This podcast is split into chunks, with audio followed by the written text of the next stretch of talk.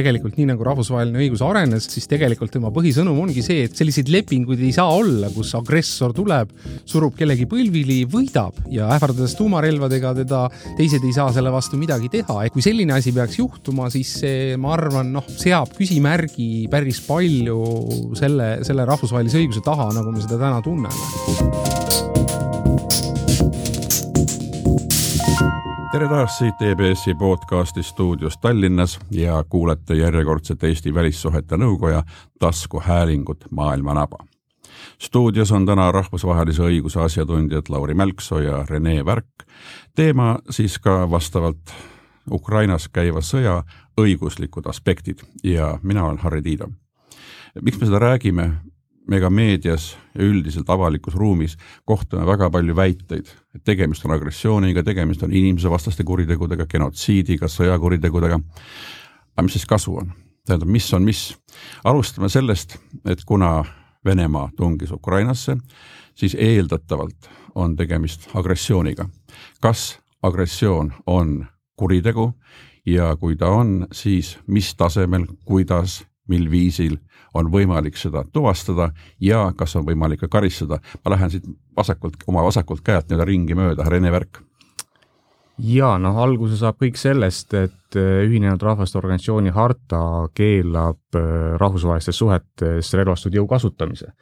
ja seda kohustust on äh, Venemaa ka rikkunud ja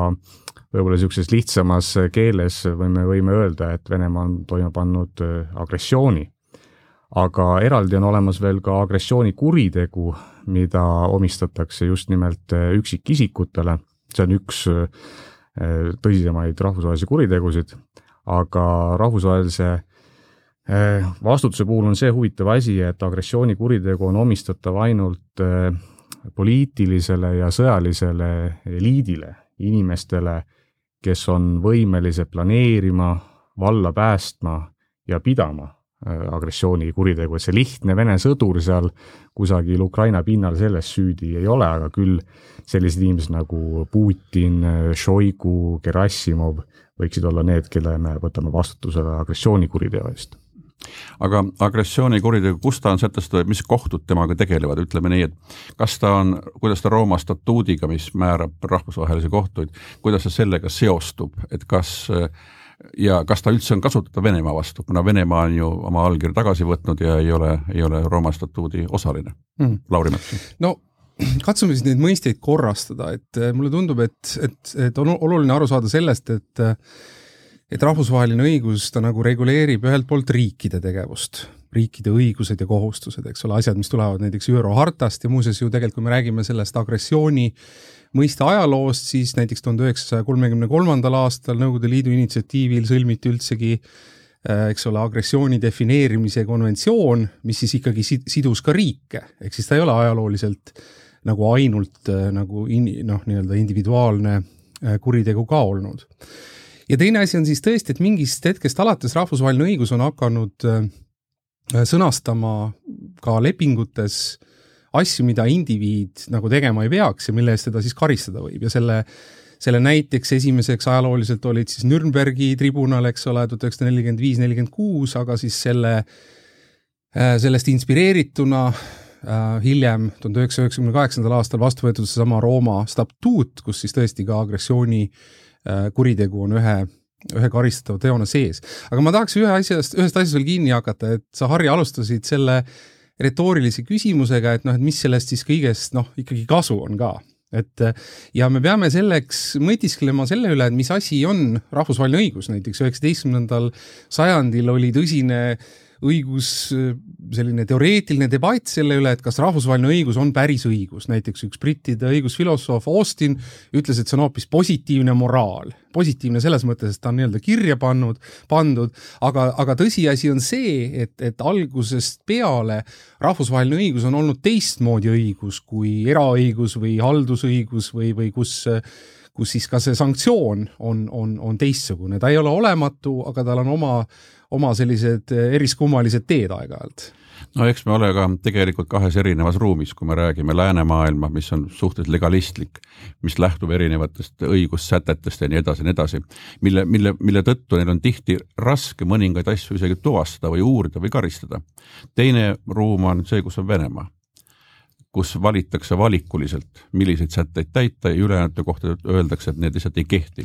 see on, see on nagu selline common sense Eestis Ähm, paljude seas, aga me näiteks Renega osalesime, osalesime eile ühel üle-euroopalisel samasugusel arutelul, kus, kus kohe sellise jutu peale tuli ühelt äh, Lääne-Euroopa kolleegilt vastuseks, et ah, et ei ole see Venemaa arusaam rahvusvahelisest õigusest nii teistmoodi midagi, ehk siis nemad ikka, nemad jällegi, on olemas ka mingisugune selline asi nagu liialdatud universalism, et kuna siis äh, kuidas öelda, igasuguste erisuste rõhutamine minevikus viis diskrimineerimise ja rassismini ja selliste asjadeni, vot sellepärast ei tohi seda teha. isegi kui sa näed seda erinevust, sa ei tohi seda välja öelda, sa pead ütlema, et meil kõigil on ühtemoodi humaansus ja siis töötame selle kallal. no mina olen õnneks endine diplomaat ja seetõttu võin lubada enesele luksust öelda välja, mida ma arvan. teine on seesama Eestis, eks ole, et ma arvan, et me ei saa Eestis endale sellist suhtumist lubada, sest et ega siis noh ma, ma mõtlen, et see on selline luksuse, luksuse, luksuslik suhtumine, et kui, kui sa, kui sa ei näe seda tegelikku ohtu, ma arvan, et meie ka rahvusvahelise õiguse käsitlus peab olema realistlik, tuletan meelde oma lemmiknäidet selles osas, kus Ants Piip, eks ole, kes oli välisminister ja ka Tartu Ülikooli rahvusvahelise õiguse professor, kus ta neljakümne teisel aastal läks Siberisse Jossif Stalini pilt, fotoga. Et, et ka rahvusvaheline, rahvusvahelise õig-, rahvusvaheline õigus praktikas. aga Rene, ma küsin, tulen tagasi agressiooni juurde. kas ja kuidas see oleks teoreetiliselt näiteks rakendatav Venemaa puhul? selleks, et näiteks, et see oleks üks süüdistus, ma, me tuleme veel väga erinevate juurde, aga see oleks nagu selline kõige üldisem algussüüdistus no täna on fakt see, et agressioonikuritegu on äh, defineeritud seotud Rahvusvahelise Kriminaalkohtu Rooma statuudi lisaga ja loogiliselt võttes seda kuritegu saab äh, sellisel kujul menetleda Rahvusvahelises Kriminaalkohtus. nüüd äh, siin on mitmed hädad kohe mängus ja äh, nendest me ilmselt räägime hiljem ka lähemalt, aga üks suur mure on see, et agressioonikuritegu saab kasutada ainult selle riigi kodanike vastu, kes on selle agressioonikuriteoga ühinenud ja täna on seda natukene üle kolmekümne riigi ja ei Venemaa, Ukraina, Valgevene kuulu nende riikide hulka. nii et seetõttu noh, võib üsna turvaliselt öelda, et agressioonikuriteo eest vastutusele võtmine täna Ukraina sõja kontekstis lihtsalt eh, ei toimigi ja ka eh, Rahvusvahelise Kriminaalkohtu mm, prokurör on öelnud, et see kuritegu jääb tema uurimise alt välja. No me tuleme selle juurde hiljem ilmselt tagasi, sest mul tegelikult, ma mõtlen, et, et kui palju aitaks äh, rahvusvahelise eritribunali loomine Venemaa kuritegude uurimiseks ja kuidas on võimalik sellisel juhul, noh, tegelikult miks, miks advokaatidele makstakse nii häid, häid palku? sest äh, nagu juba Stalin ütles, kui on inimene, küll me artikli leiame ja, ja tegelikult alati on võimalik see, see käik sealt leida, aga see jääb hiljemaks. Ma tulen siit nagu termineid mööda edasi nüüd sõjakuriteod. no meie silmis me räägime iga päev, et Venemaa paneb toime sõjakuritegusid äh, Ukrainas ja ütleme siis, mis on sõjakuritegu ja kes selle eest vastutab. mikspärast ma küsin, kas Putinit saab süüdistada sõjakuritegudes? sest ma olen lugenud ka kirjutisi, et näiteks kui Hitler oleks praegu kohtu all, temale ei saaks sõjakuritegudes süüdistusi esitada. et sõjakuritegu peab olema, peab olema teostaja, vahetu teostaja või vahetu käsuandja. aga Putin, kes istub kuskil punkris, ei pruugi sellega üldse seotud olla, tinglikult öeldes, nii et milline on nüüd teie arvamus äh, sõjakuritegudest? no ma ei tahaks us-, nõustuda sellega, et Putinit ei saa vastutusele võtta, et et võib-olla ma vastan esimesena, et mis asjad on sõjakuriteod, et sõjakuriteod on sõjapidamise reeglite tõsised rikkumised. noh, kõige lihtsamalt, kui rünnata tsiviilisikuid, kes on tegelikult kaitse all, siis tegemist on äh, sõjakuriteoga. kui lihtsalt hävitada tsiviilvara ja selleks puudub igasugune sõjaline vajadus, siis on see sõjakuritegu. ja tõepoolest, me võtame ennekõike vastutusele need isikud, kes äh, neid kuritegusid toime panevad, aga siia lisanduvad need, kes äh, neid planeerivad, kes neid käsivad, kes neile kaasa aitavad. tõsi, nende puhul on tõestamine veidi keerulisem. aga rahvusvahelisest kriminaalõigusest on tunda, tuntud selline põhimõte nagu ülema vastutus. ajalooliselt on see seotud olnud sõjaliste ülematega, näiteks Nürnbergis ja, ja Tokyos Äh, seda, seda kasutati ja väga kuulsaks näiteks sai Tokyos kindral Yamashita. aga mida see tähendab? Äh, nimelt äh, sõjapidamise reeglid ütlevad, et ülemad, olgu nad siis sõjalised või tsiviilülemad, neil on kohustus jälgida, et nende alluvad täidaksid reegleid. ja kui nüüd ülem näeb, et tema alluvad panevad toime rikkumisi, aga ta ei tee midagi nende rikkumiste ärahoidmiseks. vot siis ta on pannud toime rikkumise omalt poolt ja selle eest omistatakse eh, alluvate kuriteod sellele ülemale. nii et eh, Putin on ju kindlasti teadlik, mida, mida seal Ukrainas tehakse. kas on? noh, tahaks ta väita, et ei ole see on alati muidugi tõestamise küsimus, eks ole, aga küsimus on see, et, et see, see ülema vastutus võib tegelikult minna samm-sammult järjest kõrgemale ja, ja see on võimalik, aga nii nagu iga asja puhul, küsimus on tõestamises et miks sa midagi ette ei võtnud? ja kui ajaloolist, ajaloolistest paralleelidest muidugi veel rääkida, siis ka Tokyo tribunalis ju tegelikult äh, Jaapani keisrit keegi süüdistama ei hakanud, süüdistati siis valitsuse liikmeid, kuigi noh, vähemalt formaalselt oleks tema pidanud olema see kõige kõrgem, nii et tehti ka mõnes mõttes selline poliitiline otsus või valik, et keda üldse süüdistada ja keda mitte, et aga Harri, see sinu eelmine, eelmine teema, see on hästi oluline, et kuidas sellist äh,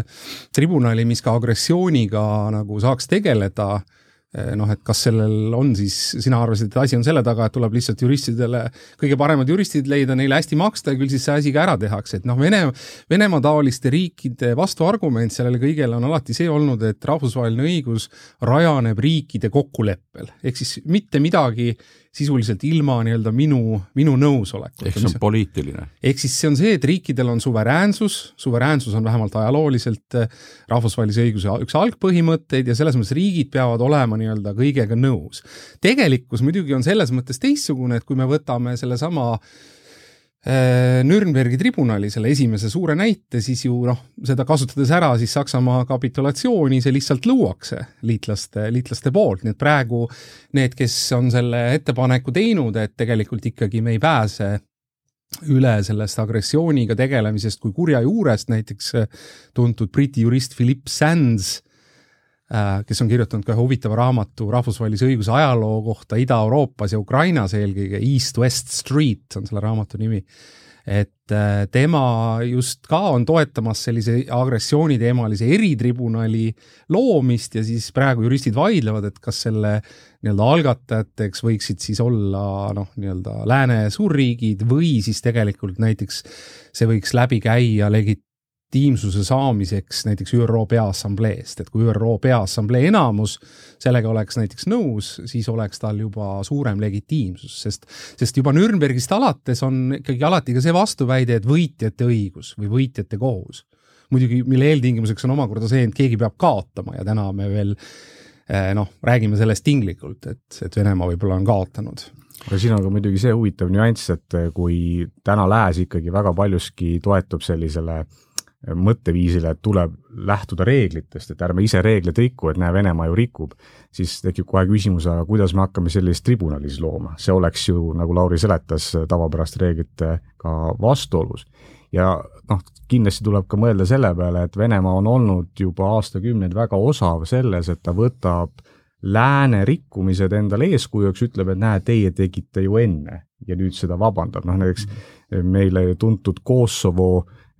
saadab meid juba siin aastast aastasse, et teie tegite Kosovot, meie tegime Abhaasiat, Lõuna-Osseetiat, kaks tuhat neliteist tegime Krimmi ja nüüd kaks tuhat kakskümmend kaks tegime uuesti Ukrainat, nii et, et siin on see häda, et, et see kõik võib tulla meid ühel hetkel bumerangina kummitama. no aga mulle tundub, et midagi nagu liigub. siin on nagu huvitav case praegu, Liechtenstein versus Venemaa. et Liechtenstein esitas ÜRO-s kas resolutsiooni vist või ettepaneku ühesõnaga, et kui Julgeolekunõukogus süüdistatakse mõnda viie viisiku liiget, kellel on vetoõigus ja see kasutab vetot, siis kümne päeva jooksul vist, kui ma ei eksi, tuleks kokku kutsuda äh, peaassamblee, et arutada seda küsimust. see küsimus oli see, et, et peaassamblee ei saa täiendavaid õigusi, aga see tõstab küsimuse nagu noh, teisele tasandile ja näitab, kui suur on ühe või teise osapoole toetus. järelikult on, on mingisuguseid nihkeid on võimalik teha, ka minnes mööda sellest noh, mõneti ma ei tea, saatuslikust veto, veto küsimusest ÜRO-s mm. -hmm. aga mulle tundub, et praegu nendele küsimustele vastuseid otsides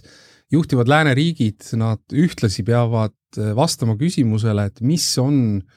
tuleviku Venemaa koht nii-öelda maailmasüsteemis, maailmakorras. ehk siis nad peavad paratamatult mõtlema ette ja ma arvan, see, mis neid muudab ettevaatlikuks, on see, et tõenäoliselt noh, nii suure riigi ja ressursimahuka rohke riigi kui Venemaa nii-öelda päris isoleerimine, noh, ta ei pruugi olla pikemas perspektiivis jätkusuutlik.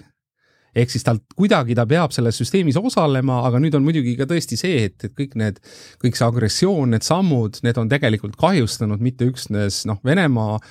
staatust ja prestiiži maailmas, vaid oleme ausad, tegelikult ka ÜRO staatust ei ole ju pehmelt öeldes normaalne, kui nii-öelda riik, kes on pandud siis üheks maailmakorra valvuriks, hakkab nii-öelda ise niimoodi käituma ja see on praegu selles mõttes väga halb ÜRO-le. jah, on isegi olnud viiteid, olen meediast lugenud juba, meenutatakse Rahvaste Liigat ja et, et kuidas see oli, osutus impotentseks teataval määral. Venemaa puhul ma arvan, selle Venemaa rolli puhul ei ole küsimus ainult Venemaas, küsimus on režiimis kes seda valitseb, see on tegelikult tähtis, sest see on see otsustav hetk. jah, aga, aga läänes me ka teame ju ajaloost seda siin Balti riikides ülimalt hästi, et kui ikkagi oli vaja Natsi-Saksamaa vastu sõdida ja teda võita, siis ka noh, ega see Stalin, ütleme Putinist parem ju ei olnud vist. et no pigistati me... ka silm kinni ja hakati uut maailmakorda temaga tegema. meil ei ole praegu võitlus Hitleri vastu koos Venemaaga, meil on võitlus rašismi vastu Venemaal, mida juhib Putin. kuid lähme mööda termineid edasi, ma vaatasin, täna oli kuskil ei, eile algatasid kaheksakümmend neli Riigikogu liiget avalduse Venemaa Föderatsiooni sõjakuritegudest ja genotsiidist Ukrainas. nüüd äh, võtaksime järgmiseks ette genotsiidi. see tähendab, et, et Biden ütles ka, et see on genotsiid. ühesõnaga, kuivõrd argumenteeritud on taolised väited, kas me saame seda kasutada või see on poliitiline terminoloogia praegu? no äh meil on kolm sellist keskset rahvusvahelist kuritegu, meil on genotsiidikuritegu, sõjakuriteod ja meil on inimsusevastased kuriteod. ja genotsiidikuritegu on see kõige-kõige eh, kuritegu. ja me teame rahvusvaheliste kohtute praktikast, et seda on harva suudetud eh, tuvastada, et genotsiidikuritegu on miski, eh, kus me tahtlikult valime välja ühe inimgrupi, see peab põhinema kas kodakondsusel, rahvusel usul või rassil ja me tahtlikult, teadlikult hakkame seda gruppi maamunalt eh, nii-öelda hävitama. ja vot selle plaani tõestamine ei ole kaugeltki mitte, mitte lihtne. ja ma ise olen küll tundnud, et, et siin on vahe sees, kas me räägime genotsiidikuriteost sellises õiguslikus tähenduses või võib-olla sellises igapäevakõnes, poliitilises kontekstis, kus genotsiid tundub hästi lihtsasti laua peale tulevat ja, ja ja mulle vahepeal ka tekib tunne, et, et kui miski ei ole genotsiid, siis nagu polegi nagu väärt rääkimist, et see, et, et miski on sõjakuritegu, miski on inimsusevastased kuriteod, mida on palju lihtsam tõestada, et see nagu ei ole asja, asja väärt. et ma natukene võib-olla sellise eh, nii-öelda konservatiivina mõtlen, et äkki me eh, kasutame seda genotsiidi liiga lihtsasti ja kui me ühel hetkel oleme nagu tõeliselt jubeda olukorra ees, no võtame Rwanda genotsiidi, kus saja päeva jooksul tapeti kaheksasada tuhat inimest, siis mis on see nii-öelda termin selle olukorra jaoks? nojah, ega me ei saa sinna tapetute arvu juurde panna, et sellest hetkest alates hakkab see sinna minema. samas, kui me võtame mõned Vene meedias olnud asjad nagu Riia Novostis ilmunud, see, mis ta oli, Sergeitsev või mingi tüüp, kes kirjutas, mis on, mis on tegelikult täiesti noh, selline genotsiidile kutsuv kirjutis ja ka selline tegelane, kui keegi mäletab, veel oli selline Dmitri Medvedjev, ta vahepeal soojendas tooli seal presidendi kohal, kes samuti tuli välja oma manifestiga, mis oli noh, ikka pehmelt öeldes ikka üllatavalt räige, ma pean tunnistama, et, et isegi Vene meedia kohta või Vene poliitikute kohta oli see minu jaoks, oli see üllatavalt räige. aga Lauri, sinu no, arvamus? lihtsalt siis dialoog, dialoogi arendamise mõttes, et ma, mina arvan küll, et tegelikult noh, see ei ole enam absurdne äh, sellest, selle võimalusest rääkida, sest et esiteks seda, et eks genotsiidi, millegi genotsiidiks kutsumine on paratamatult noh, seotud poliitikaga. et kui me võtame kas või sellesama teise maailmasõja konteksti, et seesama genotsiidi mõiste on ju teisest maailmasõjast ja holokaustist paljuski sündinud, genotsiidivastane konventsioon võeti vastu nelikümmend kaheksa ja kus see poliitika seal mängu tuleb, on see, et Nõukogude Liit saavutas konventsiooni läbirääkimistel selle, et konventsiooniga ei ole kaetud Äh, siis poliitilised ja sotsiaalsed grupid, ehk siis äh, juba tekitatakse teatud hierarhia kolmekümnendate, neljakümnendate aastate ajaloos, et siis näiteks juutide hävitamine on genotsiid, aga kulakute hävitamine ei ole, eks, et seal on juba poliitika tuleb, tuleb mängu. Ja hiljem noh, ma ütleks ka seda, et ega siis genotsiidi puhul ei ole ainult see, see arv, sest et ütleme, sõdades üldse, kui nad väga kaua näiteks kestavad, noh, võib ka palju inimesi surma saada, et ainult arvu järgi seda vaadata ei saa, et vaadata tuleb ikkagi selle konteksti järgi, et see tahtlus tuleb ju välja kontekstist. Ja mina nendele Harri nimetatud juhtumitele, see Riia Novosti ja, ja need teised seisukohad, et ma arvan, et selle sõja nii-öelda sõda ettevalmistavates sündmustes on võib-olla kõige tähtsamal kohal äh, president Putini sõnumid, et äh, Ukraina ei ole õige riik, et ta ei ole õige, õige rahvas, et see loob nagu selles mõttes fooni, ehk siis kui nagu keegi selle tabavalt sõnastas, et fašist on Ukrainas nii-öelda Venemaa seisukohast igaüks, kes seisab siis vastu sellele Vene, Vene alluvusele või Vene mõjule. Mis teeb nagu noh, siis, siis selleks kvalifitseerub Ukraina rahva suur enamus, eriti täna ja selle, sellisena, kui selle tagajärg on nii, nagu need Riia Novosti ja need, need, need seisukohad ütlevad, et me peamegi neid hävitama ja me ei hävita ainult võitlejaid, me ei hävita ainult neid, kes relva kätte võtab, sest et me ikkagi peame välja juurima selle, siis see, sellega sa tegelikult, mina näiteks näen küll otsest seost sedasorti seisukohtadel ja näiteks sellel Vene armee käitumisel seal sõjakuritegude tekitamise mõttes, et kui inimestele on seda öeldud, et, et te, te olete ümbritsetud fašistidest, siis kõik, mida Vene venelased ajaloost on õppinud, on see, et fašiste muidugi tuleb tappa. no vot, mul, ma küsin korraks nagu üle, et selle Riigikogu avalduse või avalduse projekti kohta. kindlasti neil on omad juristid olemas, kes ka vaatasid seda. aga kas see on nagu pädev ja, ja kas ta ei või kujuneda rünnatavaks, see sõjakuritegudest ja genotsiidist Ukrainas? Sellest tunnistatakse Ukraina rahva vastaseks genotsiidiaktiks Venemaa sõjaväe ning sõjalise ja poliitilise juhtkonna tegevuse Ukraina vastases sõjalises agressioonis. et kas see on nagu juriidiliselt pädev, vaat kui, kui parlament teeb avalduse, mis ei ole juriidiliselt noh, nii-öelda kuulikindel, siis tegelikult on see nagu vastupidise mõjuga, see näitab, et, et parlamendis pole pädevust. kas te arvate, et see, et see avalduse noh, selles vormis on väga lühikene kokkuvõte, mis ma praegu ütlesin, kas ta selles vormis on nagu lendab? minu jaoks äh, sellises vormis pigem nagu näitab seda, et, et see, see agressioon ise on, on genotsiid ja veel kord, noh, siin ei ole need tavapärased genotsiidi kuriteo elemendid välja toodud, ehk siis see nõrgendab kindlasti seda äh, seda positsiooni. ja jällegi me peame ikkagi vaatama seda, et, et mis toimub maastikul. loomulikult genotsiidile üleskutsumine on samamoodi rikkumine ja samamoodi karistatav, kõik need, mida Medvedev ja Ria Novosti ja nii edasi kõik ütlesid, et, et see on eraldi asi. aga jällegi, kas seal eh, nii-öelda maastikul, kas seal tapetakse mingisuguseid külaelanikke maha lihtsalt sellepärast, et nad on tsivilistid, sellepärast et ei jääks neist jälge järgi, jääks tunnistajad järgi, see lõhnab äh, rohkem äh, inimsusevastaseks kuriteoks. inimsusevastane kuritegu on süstemaatiline massiline rünnak tsiviilelanikkonna vastu, seda palju lihtsam tõestada. või me suudame ikkagi ära näidata, et need isikud võeti seal nii-öelda ette, neid rünnati, neid tapeti just nimelt sellepärast, et nad on ukrainlased vaat ma ei taha kuidagi väita, et, et Ukrainas ei saaks olla genotsiidi, aga ma tahan lihtsalt eh, nii-öelda juristina olla ettevaatlik, et mida me suudame hiljem nagu tõestada ja et me etteruttavalt väga suuri sõnu mm. äkki ei teeks. ühe veel aspekti ütlen, seesama Rwanda näide sai enne toodud, et tegelikult toona just eriti USA poliitika kontekstis üks, üks dimensioon selle genotsiidi mõiste kasutamisel on ju tegelikult ka see, et, et läänemaailmas näib olevat tekkinud selline vaikne kokkulepe, et kui mingi asi kvalifitseerub genotsiidiks, siis tegelikult peaks rahvusvaheline kogukond sekkuma või midagi tegema.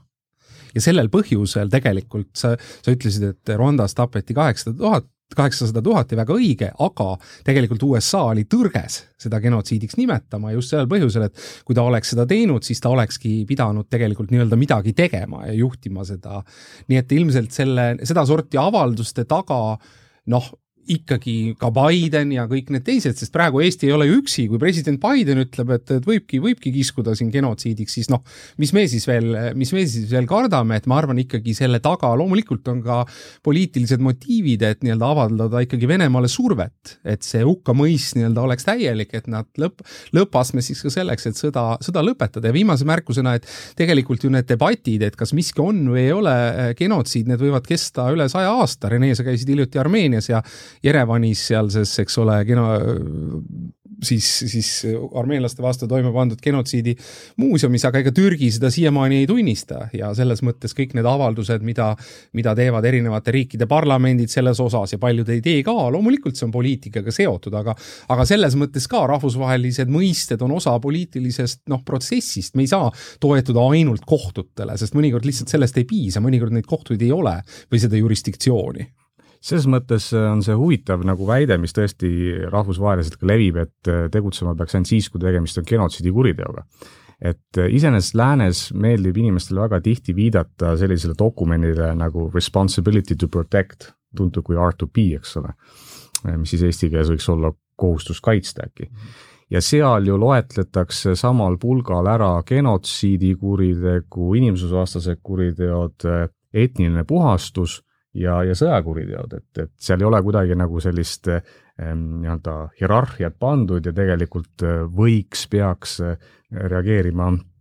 kõigi nende kuritegude puhul ühtemoodi, nii et, et see on niisugune omapärane lähenemine. no see A2P, see on teataval määral poliitiline, sest see on aeg-ajalt vajalik et õigustada midagi, mida võib-olla muidu on juriidiliselt raske õigustada, mul on niisugune kahtlane tunne. ei, selles mõttes on sul täiesti õigus, et see R2P on, on poliitiline projekt, see on nii-öelda raamdokument, mis puudub, püüab lahti seletada riikidele, millal peaks midagi ette võtma. ja huvitav on muidugi see, et, et osad inimesed ja riigid ka väidavad, et see loob uue aluse relvastatud jõu kasutamiseks äh, rahvusvahelistes suhetes, aga, aga tavaliselt kui sealt sellest kuulsast kohast, kus need kolm põhimõtet tuuakse natuke edasi lugeda, seda dokumenti, siis seal on konkreetselt öeldud, et jõu kasutamine toimub vastavalt ÜRO harta regulatsioonile. Ja ÜRO harta räägib meile ju riigi enesekaitsest ja Julgeolekunõukogu antud äh, volitusest, nii et see on poliitiline dokument, miks ma selle välja tõin, on see, et, et läänele meeldib seda kasutada ja seal on need kuriteod kõik ühel, ühel tasandil ja et et ei saa öelda, et me ei võiks äh, Ukrainas näiteks inimsusevastaste kuritegude puhul sekkuda. Aga kui me räägime vastutusest, siis praegu tegelikult toimub tõendite kogumine, mis iseenesest on väga hea, sest vaata tõendeid sa ei saa, noh, sa ei saa laipu jätta sinna vedelema ootama, kuni tuleb mingi rahvusvaheline kohus. korist-, korjavad ukrainlased, äh, Ostse just avaldas oma mingisuguse teatise nende tulemus, oma tulemustest, on prantslased vist samuti on seal sees, UK ütles, et, et, et samuti osalevad, ühesõnaga, et korjatakse tõendeid väga erinevatel tasemetel. aga kuhu need jõuavad? Ostse on ju tegelikult impotent tähendab sealt noh, seal ei, seal ei saagi midagi tulla, aga nad on kogunud mingisuguse massi andmeid. kujutame teoreetiliselt korraks veel ette seda rahvusvahelist tribunali. kuidas on sellisel juhul juriidiliselt, kui erinevad riigid erinevad rahvusvahelised organisatsioonid, kes ise ei saa kohut mõista, annavad kogutud andmed või tõendid selle tribunali käsutusse. kas tribunal saab neid aktsepteerida või peab ta käivitama protsessi, kus need kõik tuleb üle kontrollida, mis on tohutult massiivne töö, mis võtab aastaid ilmselt ja mis tähendab, et selle tribunali finantseerimine läheb järjest kallimaks ja suuremaks. et kuidas selle, kuidas nende tõenditega on, et kui erinevad, lisaks üks moment veel, et tegelikult saab ju eri rahvaste või eri riikide prokuratuurid samuti käivitada juurdluse, mida ongi juba tehtud ja kas mitte Eestis ei ole ka vist juba see käivitatud, mis on tegelikult väga õige. aga jälle, et kuhu me välja jõuame, kui eri riikides kõik midagi noh, juurdlevad ja kuhu see pott pärast kokku jõuab, kui tulevad välja, et üks keedab kana, teine keedab, keedab kala, eks ole, ja, ja noh, lõpuks ei tea, ei tule, tuleb muidugi mingisugune ratatouille välja. ma arvan, et kõik nad niimoodi päris ühte kohta kindlasti ei jõuagi, et nii-öelda tehniline vastus ongi see, et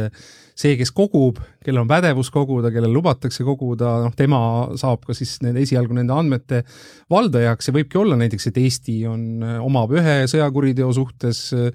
noh, olulist informatsiooni ja Norra mingisuguse teise sõjakuriteo aga mis sellest kasu on? no kasu on näiteks see, et tänapäeval on võimalik ka, ütleme, väga oluline on viia kokku sõjakuritegu ja isik ning isikud, kes selle, kes selle korda saatsid. ehk siis, kui tekib võimalus selles mõttes esitada kellelegi süüdistus, üldiselt, üldiselt riikide uurimisorganid on selles mõttes pragmaatilised, et, et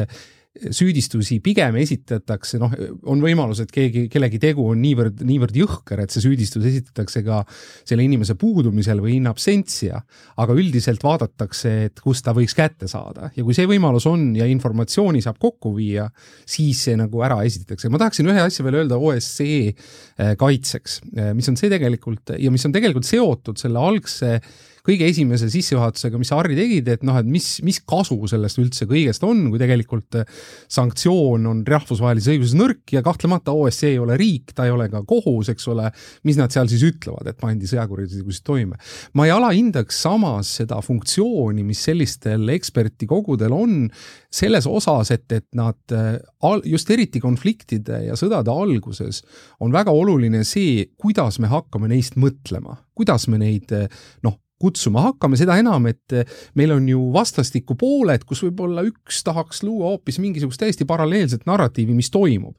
sellepärast ma arvan tegelikult, et Ukrainale ikkagi on natukene abiks ka see, kui, kui rahvu-, erinevad rahvusvahelised organisatsioonid kutsuvad neid nii-öelda meie mõistes õigete nimedega. sest nende äh, avalikku arvamust ju hoitakse sellest eemal, mida rohkem me saame selliseid arvamusi, seda võimal-, seda raskem on seda nagu seal Venemaal ignoreerida, kui, kui on, kui see oleks mingi üks näide, kes ütleb, et on sõjakuriteod ja inimsusevastased kuriteod, siis nad saaksid öelda, nende valitsus, et see on siin mingisugused russofoobid. aga kui see tuleb igast, igast kohast, siis, siis me ju ei saa, me ei saa ju eeldada seda, et iga Venemaa kodanik on ebamõistlik. kuskilt nagu peab see informatsioon sinna ka läbi jõudma ja mõju hakkama avaldama, et kas te tahate olla osa riigist, kus, kus, kus selliseid asju praegu tehakse? no ma ütlen siia vahele, kohe annan sõna Renele, aga et Venemaa inforuumis on see kõik võimalik, see tähendab, et suur osa venemaalastest, ma ütlen mitte ainult venelastest, vaid venemaalastest ja mitte ainult Venemaal, vaid ka teistes riikides viibivad omas inforuumis. Ja selles inforuumis on täiesti teine maailm. ma olen seda jälginud aastaid. Ja, ja ausalt öeldes noh, ma ütleks niimoodi, et kui ma ei oleks olnud diplomaat ja ajakirjanik ja pika staažiga, siis võib-olla oleks mina hakanud ka teistmoodi mõtlema, sest nad tegelikult teevad seda ka hästi ja veenvalt, aga Rene? Ja ma tahtsin äh, toonitada seda, et me ei tohi kindlasti alahinnata nende tõendite kogumist ja ja kindlasti on vahe sellel, et, ähm, et kui me näeme kuskilt televiisorist või meediast neid pilte, videosid äh, nendest äh, tapmistest erinevates linnades, et see on üks asi, mis loob kindlasti konteksti kogu sellele asjale. aga need tõendid, mida saab reaalselt kasutada kohtumenetluses, äh, nendel on omad nõuded, eks ole, kuidas nad on kogutud, kuidas neid on säilitatud, kas kohus tunneb, et see tõend on usaldusväärne ja loomulikult äh, eraldi täiesti teema on, et kuidas me hakkame kõike seda kokku viima konkreetsete äh, isikutega. Õnneks täna on meil väga palju äh, ka tehnoloogilisi võimalusi selle jaoks, kuulatakse palju pealt Vene relvajõudude sidet, tehakse pilte,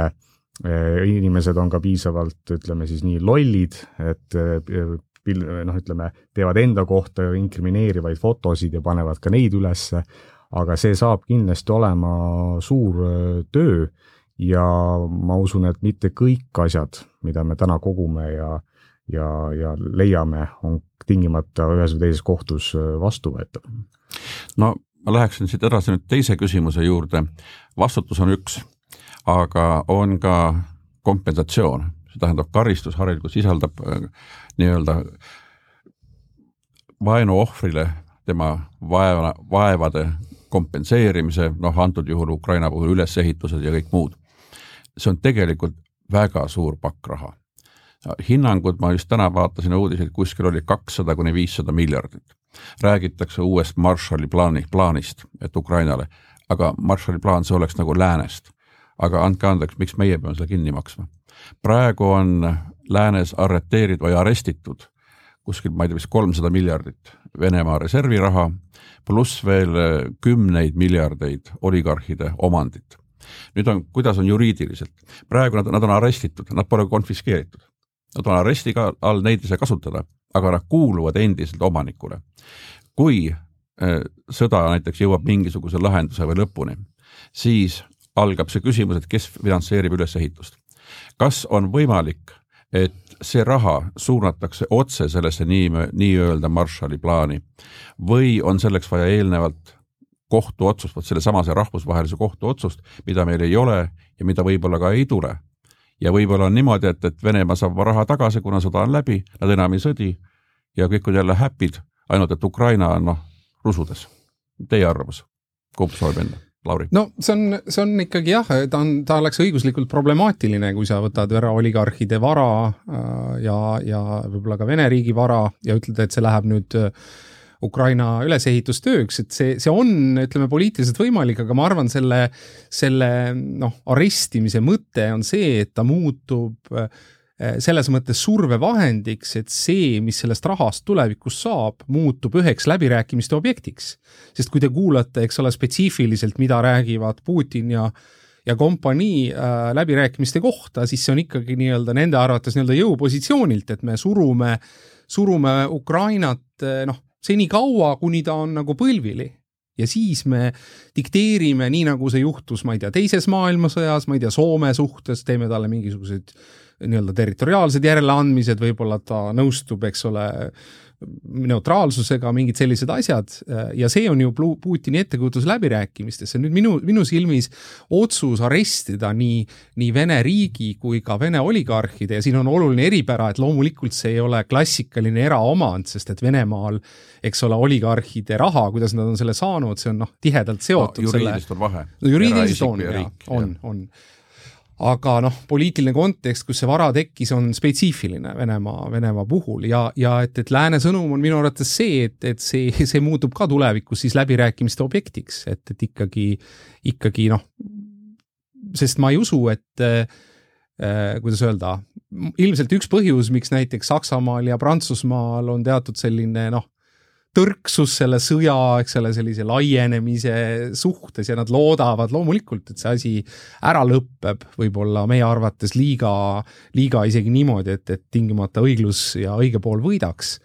Äh, on ka see, et, et seesama kulude küsimus, et kes selle siis lõpuks kinni maksab, et meie meie Eestis siin oleme häälekad Ukraina toetajad, aga, aga lõpuks, kui nii-öelda arvete maksmiseks läheb, siis vaadatakse ikkagi sakslaste poole ka. Rene noh, kui me vaatame seda, et väga suur osa sellest rahast on kinni Ameerika Ühendriikides, eks ole, ja ja Ameerika Ühendriigid on oma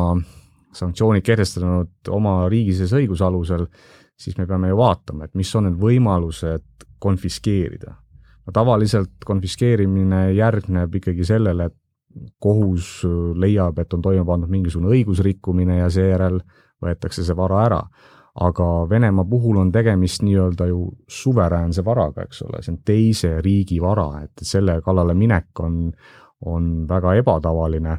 Ja ma ei oska tõesti arvata, kas ameeriklased seda teevad või mitte, sest jällegi see äh, tekitab ohtliku pretsedendi tuleviku jaoks, see on kindlasti argument, mida mõeldakse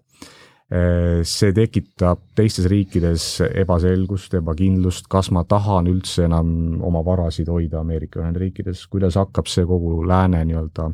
süsteemi edaspidi äh, mõjutama. aga võimalik, et äh, me oleme täna olukorras, kus tulebki teha mingisuguseid drastilisi meetmeid või, või tõesti ümber hinnata teatud asju, sest et mõnes mõttes me oleme olukorras, mis on nagu teise maailmasõja järgne, eks ole, kus varem kehtinud süsteem kirjutati kardinaalselt ümber, et äkki täna peab ka midagi sellist tegema, sest et tavapärased meetodid, hea sõna ja kõik muu selline lihtsalt ei toimi ja ja tõepoolest, et miks peaks Euroopa või Lääs tervikuna ainult selle kinni maksma ja Venemaa jätkab vanaviisi? jah, ma tegelikult, ma tahtsingi selleni jõus, jõuda, et, et võib-olla me selle sõja lõpus minu arvates sõda ei saa lõppeda viigiga, ma ütlen veel kord, et, et see peab lõppema ühe poole võiduga. viik ei ole, ei ole võimalik ja kompromiss seetõttu samuti ei ole tegelikult võimalik.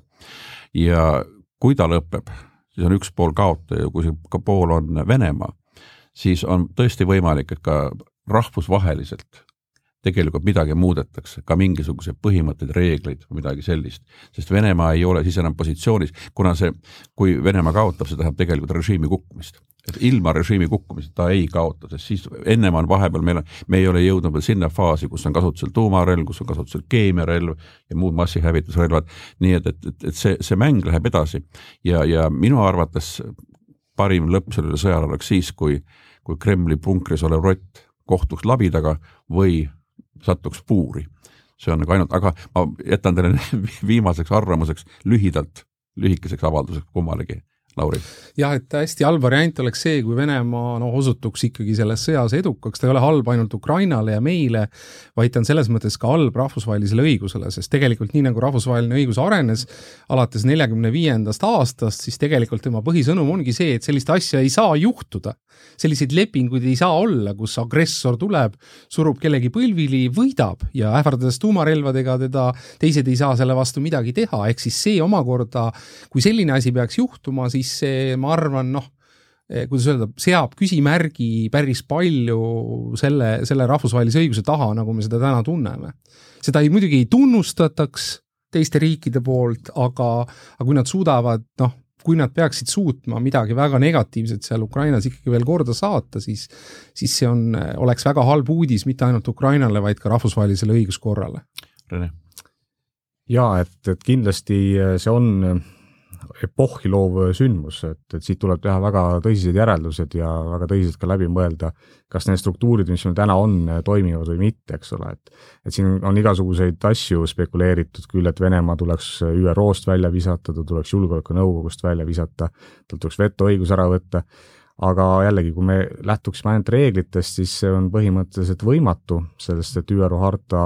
muutmist on vaja ja igasuguse muutmise peavad kõik Julgeolekunõukogu alalised liikmed heaks kiitma, sealhulgas siis Venemaa. nii et ähm, need on, kas me tõesti muudame seda süsteemi või me hakkame jõuliselt kasutama kõiki neid äh, meetodeid, mida täna julgeolek, mida rahvusvaheline õigus meile pakub. ehk et ka jällegi see, et tegelikult meil on ju õigus ja võimalus minna Ukrainale appi ka sõjaliselt, sest et kollektiivne enesekaitse kehtib igal juhul ja selleks ei ole vaja Äh, meil NATO-t, aga kas on seda poliitilist tahet just väga selliseid valusaid ja, ja pöördelisi otsuseid teha, vot, seda ma ei tea. no vot, see, see ongi, et tegelikult küsimus on poliitilises tahtes kõikide küsimuste puhul ja kui näiteks Venemaa kasutaks taktikalist tuumarelva, siis küünikuna ma ütleksin parem, kui kasutaks seda praegu, kui et tulevikus võib-olla meie pihta. sest sellisel juhul oleks lääs tõesti nüüd valiku ees. et kas tõesti sekkuda sõjaliselt, midagi, ühesõnaga siis oleks üks punane joon veel ületatud. Ja, ja siis oleks poliitikutel, poliitikutel on see, et, et, et kõik emotsionaalsed küsimused väsitavad inimest, see tähendab, tekib sõjaväsimus